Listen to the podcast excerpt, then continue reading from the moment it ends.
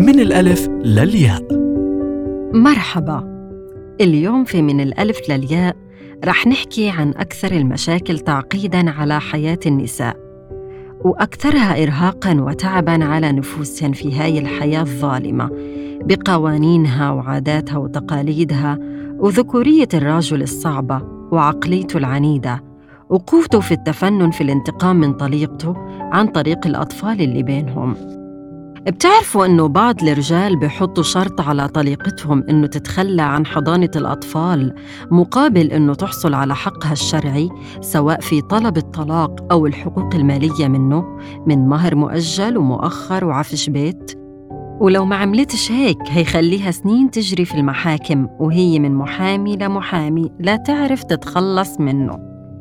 أي أم بالنسبة إلها أطفالها هم حق ومش ممكن تتخلى عنه. ولكن الظروف هي اللي بتحط النساء فيها وبتخليها ضحية التنازلات. لأنه المجتمع ما بيرحم ولأنها محاطة ببيئة بتقولها تنازلي إحنا ما عنا القدرة نعيشك ونعيش أولادك كمان معك.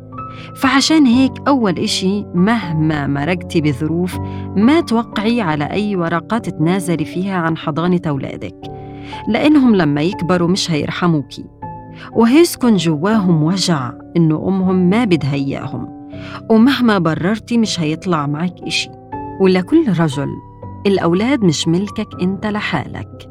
أنتم جبتوها بالشراكة مع بعض ولو هم ما عاشوا في بيئة مستقرة من أب وأم ما تكون أنت الجاني على حرمانهم من حنان الأم.